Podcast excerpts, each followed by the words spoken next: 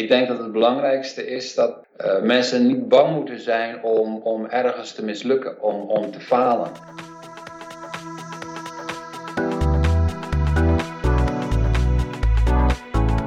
Welkom bij aflevering 5 van Ondernemerspassie. Nou, welkom uh, Jurgen Appelo. Ik heb jou gevraagd hoe kan ik jou het beste uh, introduceren. Je bent CEO van business netwerk Happy Melly, internationaal spreker en schrijver. Dat klopt. Welkom, welkom in de podcast. Vertel eens wat over jezelf en waar je op dit moment mee bezig bent. Nou, ik ben uh, schrijver van een aantal managementboeken, inmiddels drie. Die schrijf ik in het, in het Engels. Uh, mijn achtergrond is uh, software developer, gek genoeg. maar ik ben al vrij snel naar de hogere regionen destijds van, van de organisaties uh, bewogen en ben manager geworden van, van, uh, van softwareorganisaties, uh, technisch directeur, chief information officer en dergelijke. Dus ik heb geleerd softwareorganisaties te managen. En daar heb ik over geschreven. vooral met, het, met agile, agile software development als, als, als context, daar weet ik aardig wat van. En, uh, en het blijkt wereldwijd dat er enorme behoefte was aan uitleg. Uh, wat is de rol van de manager in, in agile organisaties? En uh, aangezien ik daar enige ervaring mee had, ben ik erover gaan schrijven. Dat is goed bevallen, kennelijk. Mijn boeken zijn goed verkocht over de hele wereld. En, en daar vul ik nu mijn, ja, mijn, mijn tijd mee eigenlijk. Met spreken op conferenties, uitnodigingen op bedrijven en, en schrijven aan, aan meer materiaal. Eh, en, uh, en, tegelijkertijd heb ik dat allemaal ingebracht in, uh, in Happy Melly. Dat is mijn, mijn, mijn eigen organisatie die ik samen met andere freelancers en entrepreneurs heb, heb opgericht. want niet alleen ik ben met leuke dingen bezig, maar anderen zijn, zijn ook heel actief aan de weg aan het timmeren op het gebied van organizational change en, en agile en management en leiderschap. En samen proberen we sterker te staan. en, en opereren onder de naam Happy Melly. En dat is hartstikke leuk. En hoe lang doe je dat nu al? Happy Melly? Uh, dat zijn we nu twee jaar mee bezig. Oké, en jij bent dat, je bent CEO. Heb je, hoe, hoe, moet ik het zien, uh, business partners of is het meer een, uh, echt een samenwerking? Nou, ik heb zelf een bedrijfje dat Happy Melly heet in Nederland en daarvan ben ik de enige eigenaar. En ik huur eh, freelancers en entrepreneurs in om met mij samen te werken aan mijn merk Management 3.0. Daar is een website van, uh, cursuslicenties enzovoort. Maar dat is mijn businessmodel, zal ik maar zeggen, waar mijn bedrijf eigenaar van is. Maar er zijn ook andere Happy Melly bedrijven. Uh, in Canada, in, in, in, uh, in Zwitserland, in Australië, uh, Zweden. En, en die doen hun eigen ding. En dat zijn mijn business partners, zal ik maar zeggen. En die hebben eigen businessmodellen, hun eigen merken, uh, maar uh, vinden het leuk om met elkaar samen te werken. En het geheel heet dus uh, Happy Melly. En van het geheel ben ik dan weer de woordvoerder. Oké. Okay. Heel erg leuk. Ik zit even te kijken gelijk naar de Happy Melly Family. Ja. Het ziet er allemaal heel, in ieder geval heel gezellig uit. Mooi. zit, wat, zit er nog een bepaald uh, gedachtegoed achter? Het lijkt van wel. Ik zie het niet als een standaard uh, netwerkvereniging namelijk. Nee, het moet absoluut geen standaard netwerkvereniging zijn. Het is vooral een experiment. Uh, hoe kunnen we een organisatie groeien als een netwerk in plaats van hiërarchie? iedereen weet wel hoe je organisaties als een piramide moet bouwen. Maar wij zijn ervan overtuigd dat in de 21ste eeuw uh, er meer marketplaces uh, zullen zijn en minder hiërarchische structuren. En feitelijk is ons netwerk ook een marketplace. En zo willen we onszelf ook, ook managen als een netwerk en niet als een hiërarchie. Maar we zien het als een, als een heel leuk experiment, vooral om, om te kunnen laten zien dat we, ja, om in Engelse termen te gebruiken, leading by example and practice what you preach. Uh, we, we, leren niet alleen aan organisaties hoe zij moeten vernieuwen, maar we hebben zelf ook een organisatie die vernieuwend bezig probeert te zijn. En het is heel leuk om met je eigen organisatie te kunnen experimenteren en dan aan andere mensen te laten zien, nou, dit werkte wel en dat werkte niet.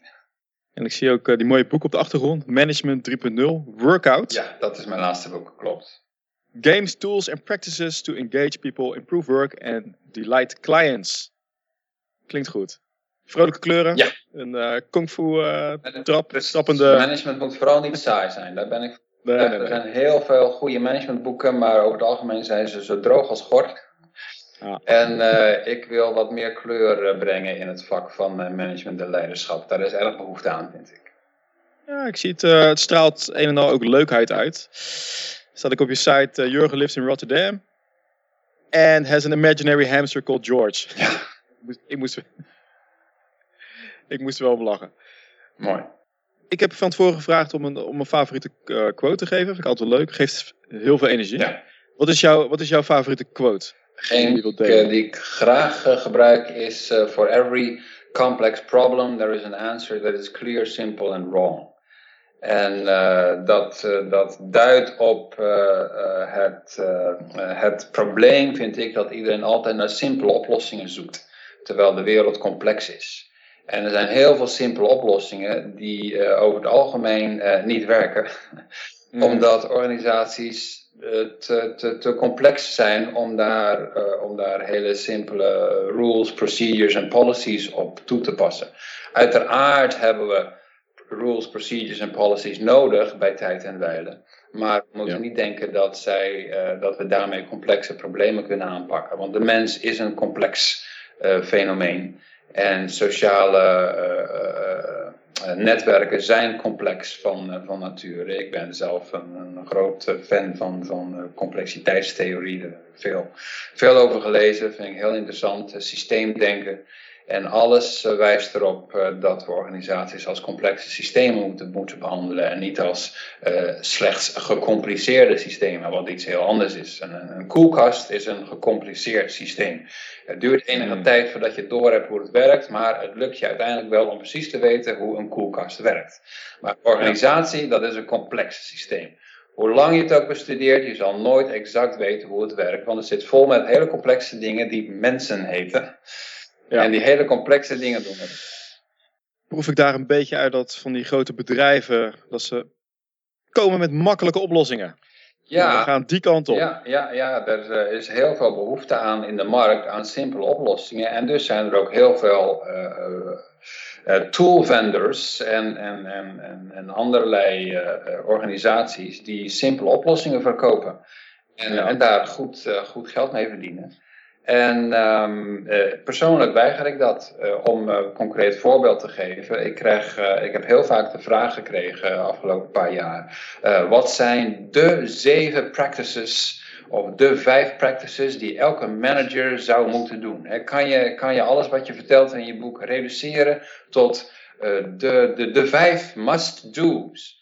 En dan zeg ik nee. Nee, dat doe ik niet. Want dan vraag je precies datgene waar ik niet voor sta. Namelijk het reduceren van iets dat complex is, het werken met mensen, tot iets dat te simplistisch is. Alsof je een organisatie kunt managen met vijf simpele practices. Dat gaat niet.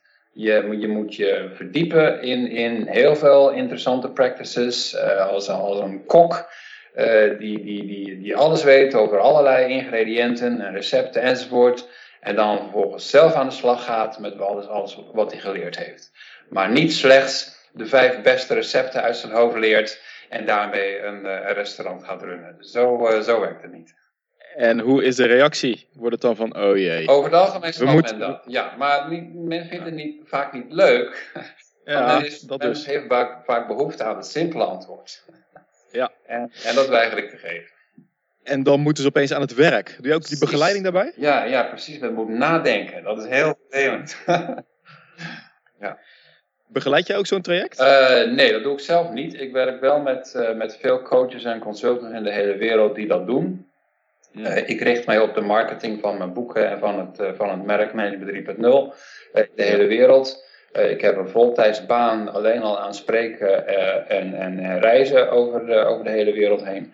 Eh, dus als iemand coaching en consultancy wil, dan geef ik het stokje door aan de experts op dat gebied. En dan zeg ik, ah. nou, die weten er alles van, die kunnen je verder helpen in een uh, langduriger traject. Ja, heb, heb jij die personen dan uh, opgeleid in jouw zienswijze? Uh, die, uh, die trekken vanzelf naar mij toe omdat ze professionele trainers en coaches zijn. En over het algemeen ervaring hebben met agile methoden en technieken. En vaak management- en leiderschaptechnieken willen toevoegen aan hun, aan hun palet van, van, van services die ze kunnen aanbieden aan klanten. Dus zij bieden dan bijvoorbeeld zowel Scrum als, uh, als, als Management 3.0 aan. Uh, zodat ze een, een, compleet uh, service offering hebben naar hun, naar hun eigen klanten. Het zijn altijd mensen die, die bekend zijn met, met agile methodes en technieken. Oké. Jurgen, persoonlijk, als ondernemer, zijn er wel eens tijden dat jij denkt, waar ben ik aan begonnen? Ik wil weg. Ja, ja. Neem ons mee naar zo'n tijd en hoe kom je daar doorheen? Nou, ik heb, mijn favoriete voorbeeld is uh, dat ik in, in 1999 werd ik door VNO-NCW uitgeroepen tot entrepreneur van het jaar in Nederland. Uh, er was een award die ik gewonnen had voor het beste businessplan van het jaar. Nou, dat was een plan voor een uh, website die draaide destijds redelijk goed. Dat was in de internet hype, uh, uh, toen, toen de bubbel nog aan het groeien was. Ik had een prachtig businessplan met een mooie website. Ik verdiende geld aan inkomsten voor overzicht van spelletjes. Het was niet meer dan een overzicht van de populairste computerspellen ter wereld. Dat was alles. Ik verdiende met, met inkomsten aan advertenties en sponsoring. Uh, en het businessmodel extrapoleerde gewoon die inkomsten. Nou, als we dit maal 10 doen, uh, extra medewerkers, uh, meer van die lijstjes, dan verdienen we tien keer zoveel. Heel simpel. Ja. Waarom niet? en daar kreeg ik een award voor. En, en toen begon ik, en toen heb ik ook informal investors gekregen die 1 miljoen euro in mijn bedrijf staken. En ben ik aan de slag gegaan, ik heb personeel ingehuurd en we waren nog geen drie maanden aan de slag en stortte de hele internetbusiness in. Dat was uh, begin 2000. Uh, advertentieinkomsten droogden op, sponsors vielen weg en we hadden helemaal geen inkomsten meer in plaats van dat alles vertienvoudigde. Mm. Nou, toen zijn we een jaar bezig geweest om in paniek uh, andere dingen te zoeken die misschien zouden werken. Dat lukte allemaal niet. En toen had ik inderdaad zo'n uh, gevoel van waar ben ik in hemelsnaam aan begonnen. Uh, dat, dat was een, een heel belangrijk leermoment.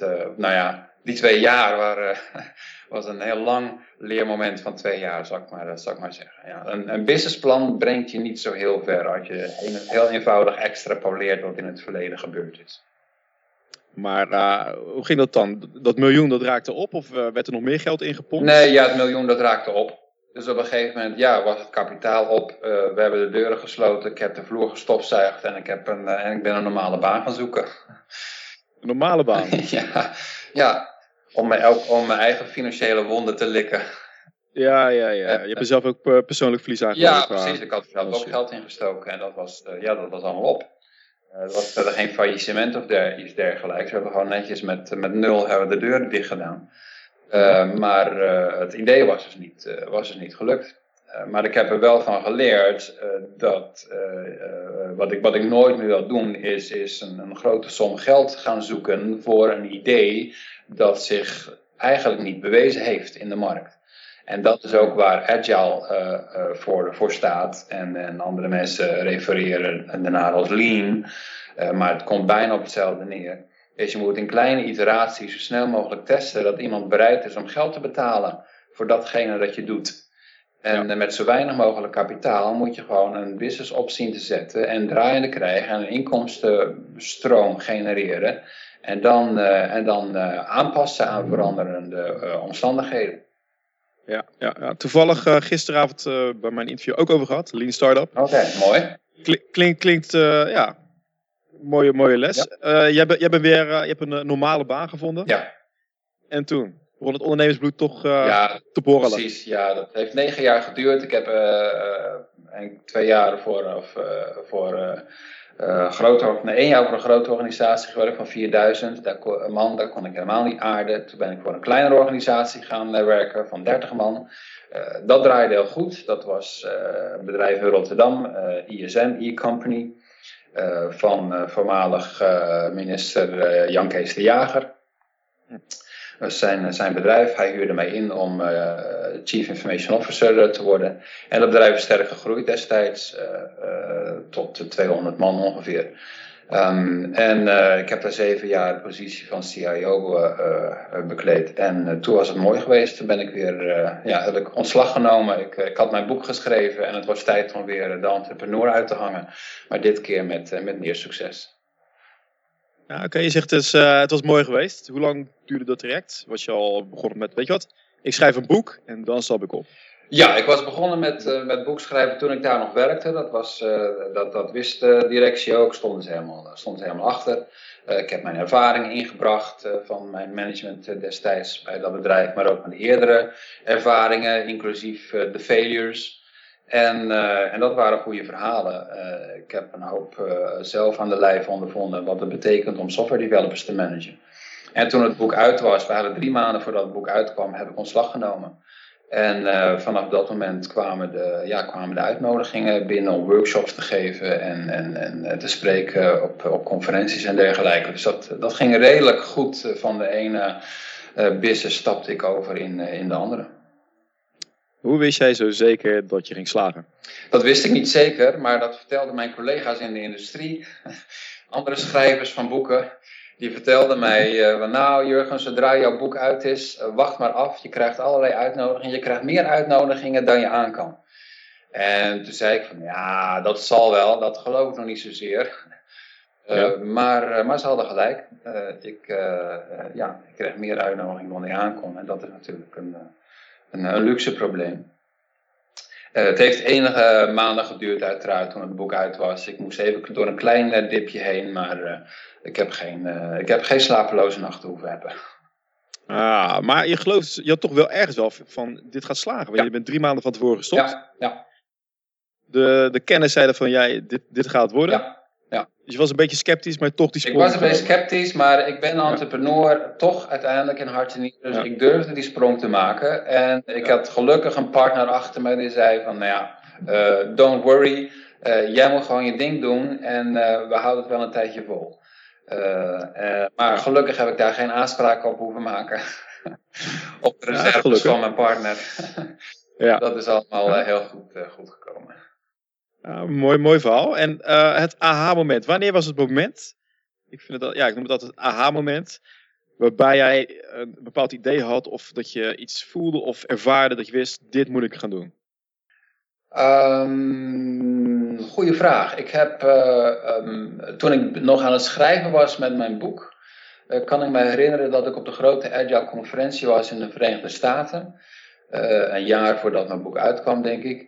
En toen sprak ik met mensen en toen kreeg ik door dat er behoefte was aan personen die, die um, cursusmateriaal konden maken en leveren aan andere trainers en coaches en consultants. Zonder dat ze zelf, uh, zonder dat die coach en consultant zelf al hun materiaal moesten maken. Want in de onderwijswereld is dat volkomen normaal. Je hebt mensen die onderwijsmateriaal maken. Je hebt ja. onderwijzers die dat materiaal gebruiken in de klas. Maar ja. in andere industrieën is dat kennelijk iets bijzonders. Uh, waaronder in, in, in, in, in de agile wereld de afgelopen tien jaar, bijna alle coaches en consultants maakten hun eigen workshops en hun eigen trainingen enzovoort. En dan zijn ze misschien goed als trainer, maar waardeloos in het maken van materiaal. Of andersom. Ja. En ik zag daar een opportunity, een business opportunity, toen ik sprak met mensen. Want ik heb in het verleden, twintig jaar geleden, heb ik ook cursusmateriaal gemaakt voor een opleidingsinstituut. En dat vind ik hartstikke leuk. En ik wist zeker, ik vind het niet leuk om tot de lengte van dagen zelf trainer te zijn. Dat is niet mijn ding. Maar ik vind het wel heel leuk om materiaal te maken. Om goed, kwalitatief, hoogwaardig materiaal te maken voor anderen. Dus toen ik mijn voordat mijn boek klaar was, uh, had ik al het businessmodel bedacht. Ik zei, nou, ik ga workshops maken, die ga ik zelf uitproberen, ga ik testen om te kijken of ze werken. Maar vanaf dag 1 met het oog op licensing. Dus dat andere mensen daar een licentie op kunnen nemen, zodat zij die workshops van mij over kunnen nemen. Want ik wil geen workshops doen de rest van mijn, van mijn leven. Nou, dat heb ik nu bereikt. Ik heb 100, 110 inmiddels uh, licensed trainers in de hele wereld die mijn materiaal gebruiken op basis van mijn boeken. Ik doe zelf geen trainingen meer, daar heb ik geen zin in. Uh, maar ik heb ze wel allemaal getest. Dus alles is uh, agile. Ex hoor ik. Ja, Ja, precies. Dus ik heb het getest in korte iteraties. De eerste workshop duurde maar vier uur. Ik kreeg goede feedback op. Ik hoorde ook wat niet werkte. Maar zo heb ik in iteraties het uitgesponnen tot twee dagen. En, en toen kon ik het aan anderen doorgeven. Want ik kon laten zien, nou, ik heb hele goede ratings. Uh, maar ik weet zeker dat jullie betere trainers zijn dan ik. Ja. maar ik ben een goede maker van materiaal. Dus dat is een win-win, lijkt mij. En dat, uh, en dat bleek inderdaad goed te werken. In hoeverre denk je dat dat boek jou geholpen heeft daarbij? Heel veel. Heel veel. Want het boek heeft mij bekendheid uh, gegeven. Ik, ik, heb, uh, ik ben twee jaar geleden op een lijstje gezet van uh, top 10 meest invloedrijke personen in de wereld op het gebied van agile. afgelopen jaar stond ik op top 100 van populairste experts op leadership en management. En dat is allemaal dankzij het boek, dankzij de boeken die ik inmiddels geschreven heb. Dus een boek is een, is een visitekaartje, zoals veel mensen uh, zeggen. Uh, zo werkt de business ook tegenwoordig. Je, je, een, een, boek verkoopt, uh, ja, kan, kan aardig verkopen, maar je, je wordt er niet rijk van. Het is, ja. het is geen businessmodel op zich. dat is een heel slecht businessmodel. Als je probeert rijk te worden van alleen boekverkoop. Je moet iets anders ernaast hebben. Zoals ik, licensing van kursmateriaal en spreken op conferenties. Die inkomsten zijn, zijn, zijn veel groter. Um, Maar het boek is dan datgene dat de andere inkomsten uh, accelereert. En wat zijn je plannen voor de toekomst? Plannen voor de toekomst is uh, om meer te schrijven, want daar is mijn passie. Ja, dat. meer schrijven, meer boeken, andere onderwerpen erbij te pakken. Dus niet alleen management en leiderschap, maar ik ben ook zeer geïnteresseerd in, in wat ik creative workers of creative networkers noem. Uh, dus entrepreneurs, net als ik, die uh, prefereren om, om zelfstandig uh, te werk te gaan. En niet alleen freelancers, maar ook in de bredere zin van het woord. Mensen die gewoon eigen ondernemer zijn, zonder personeel en dat heerlijk vinden. En, en op die manier een business uitbouwen, want de, alle trends wijzen erop dat dat deel van de economie steeds groter wordt.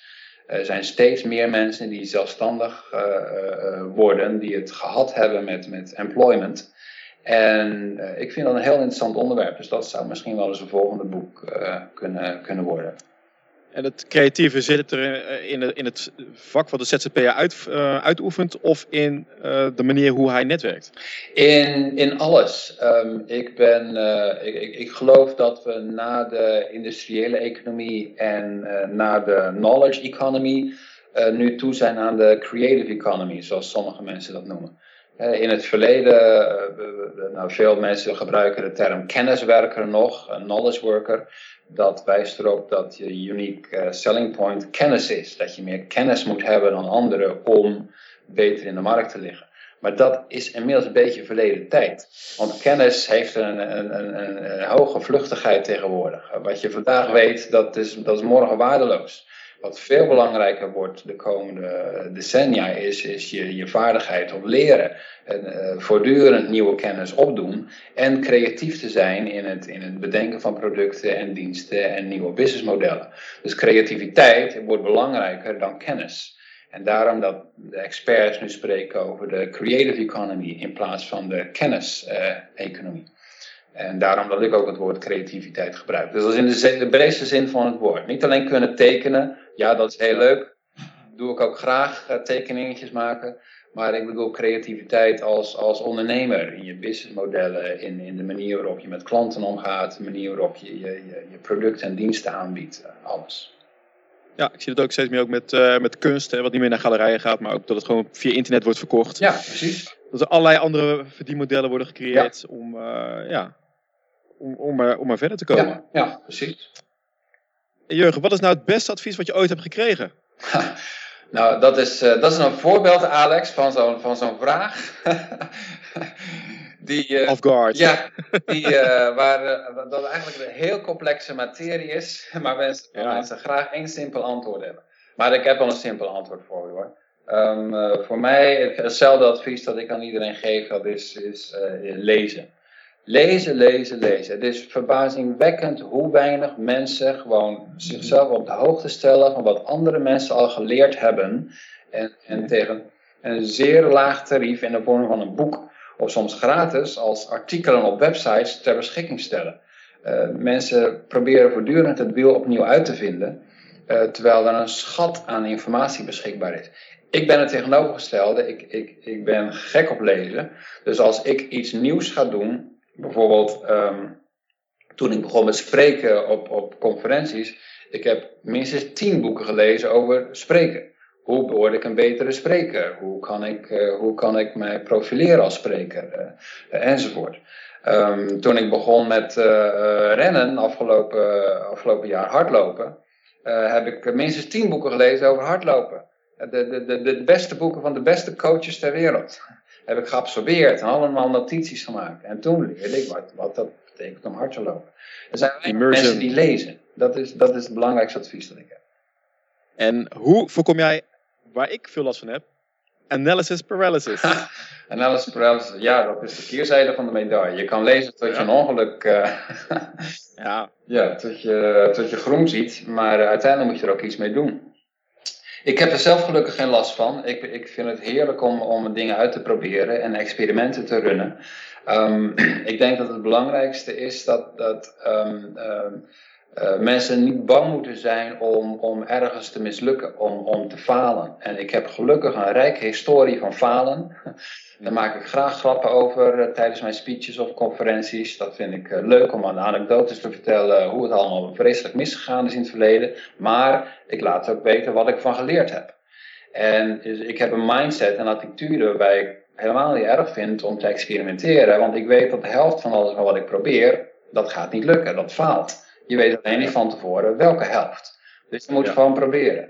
De personen die last hebben van analysis paralysis, dat zijn vaak personen die bang zijn om te falen. Dus die willen dan meer informatie verzamelen omdat ze bang zijn dat iets misschien niet lukt. Daar moet je je overheen stappen. En hoe ga je daarmee om? Want lees je tien boeken en die zeggen niet alle tien hetzelfde. Ja, nou dan weet je dat je dat je, je eigen intelligentie moet gebruiken en dan ga je gewoon wel proberen. Ja, gewoon kijken en dan zien. Ja, ja. ik, vind dat, ah, het, uh, ik vind dat altijd fijn uh, om, om te merken dat zelfs de experts het vaak niet met elkaar eens zijn. Ja. Uh, ik heb bijvoorbeeld laatst, om een klein, klein voorbeeld te geven, gelezen dat, dat happiness van employees, van medewerkers, leidt tot betere performance, zegt één expert. een andere expert zegt tegenovergestelde. Die zegt de betere performance van medewerkers leidt tot meer succes in het bedrijf en daar worden mensen blijer, happier van. Dus die hebben feitelijk tegenovergestelde mening. En denk ik, nou ja, ze zullen allebei wel een punt hebben.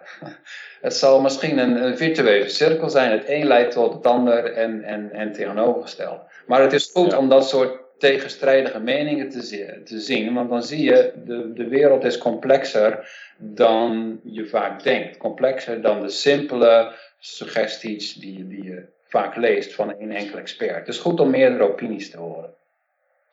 Dus dat is ook ter voorkoming dat je in een bepaald gebied zit, een bepaald dogma in, uh, zit. Lees jij, lees jij dan expres de boeken van mensen die iets anders vinden dan jij? Uh, nou ja, dat, dat, dat, dat komt vanzelf eigenlijk. Uh, ik, ik doe vooral research naar wat zijn de beste boeken, de, meest, de best gewaardeerde, die meest verkocht hebben of de hoogste ratings hebben enzovoort. En dan kijk ik wel wat ik tegenkom in zo'n boek. En soms uh, ben ik het valikant oneens. Uh, vaak, vaak ben ik het volledig mee eens met wat er, uh, wat er staat.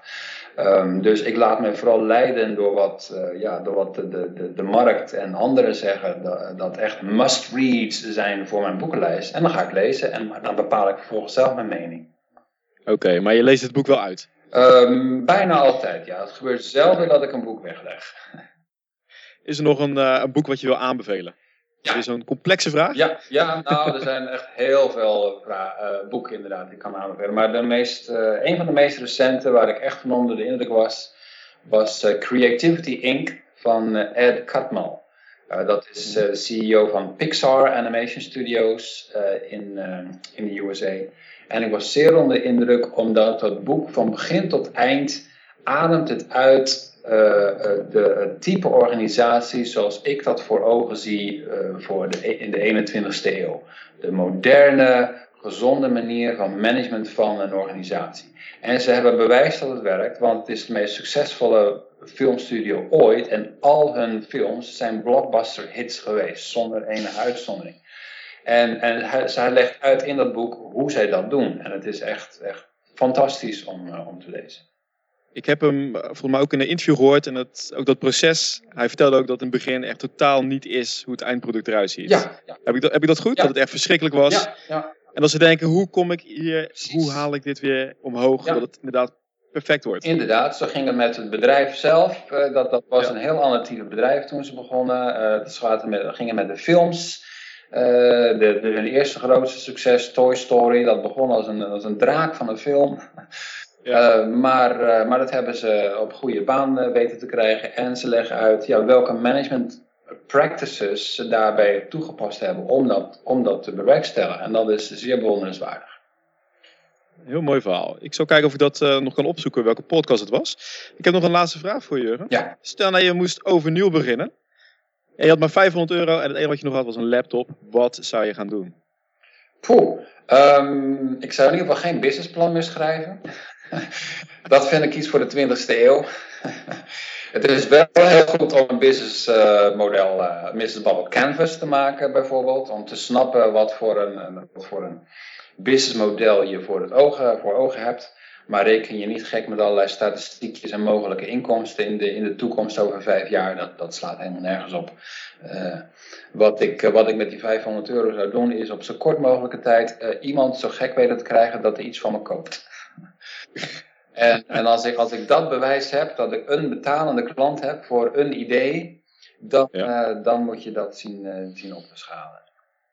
Oké, ga je dan uh, ook iets verkopen bijvoorbeeld wat je nog niet hebt? Nou, het zal, het zal zeker iets creatief zijn. Ik ben een creatief persoon, dus ik, ik, ja. ik, ik, bewandel nooit de, de, de, de, de platgewalste paden.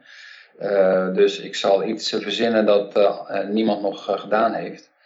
Uh, dat is altijd lastig, maar vind ik veel leuker. En, uh, en uh, wat het is, dat zou ik niet weten. Wat ik voor 500 euro kan doen, daar zou ik even goed over na moeten denken. Waar kunnen mensen jou, hoe kunnen mensen jou het beste bereiken als je willen bereiken of je boek willen kunnen kopen? Welke kans stuur jij ze op? Waar, ik stuur ze meestal naar mijn, naar mijn eigen website, dat is jurgenappelo.com. Dat is J-U-R-G-E-N en dan Appelo is Ja. En daar vind je links naar mijn blog, naar de happymelly.com website, uh, Management 3.0, uh, overal. Alle, alles waar ik mijn vingers in heb zitten. Ja, leuk. Hele kleurrijke website, erg leuk. Heel mooi. Jurgen, ik vond het echt superleuk om, uh, om met jou gesproken te hebben. Dankjewel voor de uitnodiging. Ik, ik, ga, je, ik ga je zeker volgen, want ik vind het wel heel interessant waar je allemaal mee bezig bent. Mooi. Zo internationaal. Thanks. Zo, bedankt voor het luisteren. Vond je het leuk? Laat even een review achter in de iTunes Store. Dat waardeer ik heel erg en het geeft me ook weer motivatie om nog meer hele leuke afleveringen te maken. Heb je mooie inzichten kunnen halen uit deze aflevering? Laat ook even een berichtje achter op de website www.ondernemerspassie.nl. Zoek op Jurgen Appelo en dan kom je uit bij deze aflevering. Tot aflevering nummer 6.